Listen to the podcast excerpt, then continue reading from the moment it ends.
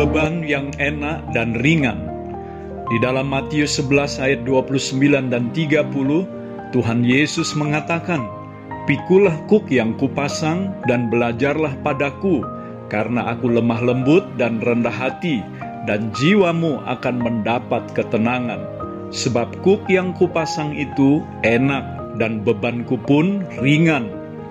Setelah Yesus memanggil kita yang letih lesu dan berbeban berat karena dosa agar kita percaya kepadanya, dan dengan demikian kita telah diampuni serta menerima kelegaan di dalam jiwa kita.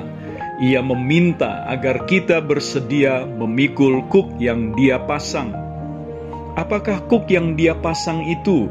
Di dalam Alkitab versi bahasa Indonesia masa kini, kalimat "pikulah kuk yang kupasang" disalin dengan kalimat "ikutlah perintahku". Jadi, secara sederhana, Kuk itu berbicara tentang perintah Tuhan. Setelah dibebaskan dari kuk atau perhambaan dosa, semua orang percaya perlu memikul kuk yang baru yang Tuhan berikan kepadanya, yaitu perintahnya sendiri. Hal ini penting karena di dalam hidup ini kita harus ada di bawah perintah atau sebuah otoritas. Sebelum kita mengenal Kristus, kita diperhamba oleh si iblis dan dosa. Kita berada di bawah perintahnya dan di bawah penguasaan hawa nafsu kita sendiri. Itulah kuk yang membuat kita menjadi letih lesu dan berbeban berat. Tetapi sekarang di dalam Kristus, kita telah dilepaskan dari kuk yang lama itu dan butuh untuk mengenakan kuk yang baru, yaitu segala perintahnya.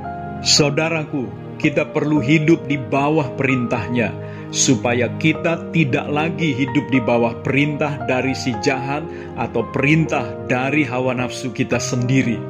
Perintah-perintahnya itu sesungguhnya sangat menyenangkan dan memberi kita kelegaan. Bagi mereka yang telah mengalami kelepasan dari dosa, akan dapat merasakan betapa perintah-perintah Tuhan itu penuh kuasa memberikan kekuatan serta penghiburan, terlebih ketika mereka sedang ditimpa kesesakan dan kesusahan. Perintah-perintah Tuhan itu akan mendatangkan kesukaan, seperti yang diungkapkan pemazmur di dalam Mazmur 119 ayat 43. Aku ditimpa kesesakan dan kesusahan, tetapi perintah-perintahmu menjadi kesukaanku. Bahkan lebih daripada itu, melalui roh kudusnya, Tuhan akan membawa kita untuk mencintai firman-Nya. Di dalam Mazmur 119 ayat 97, pemazmur juga mengatakan, Betapa ku cintai Toratmu, aku merenungkannya sepanjang hari. Kuk atau beban yang Yesus kenakan di dalam hati kita, yaitu segala perintahnya, dikatakannya sendiri sebagai sesuatu yang enak dan ringan benar bagi mereka yang telah mengalami kasih Tuhan dan dilepaskan dari kuk atau perhambaan dosa yang berat akan merasakan bahwa kuk atau perintah yang Tuhan berikan itu sungguh-sungguh enak dan ringan. Rasul Yohanes menulis di dalam 1 Yohanes 5 ayat 3, sebab inilah kasih kepada Allah, yaitu bahwa kita menuruti perintah-perintahnya perintah-perintahnya itu tidak berat.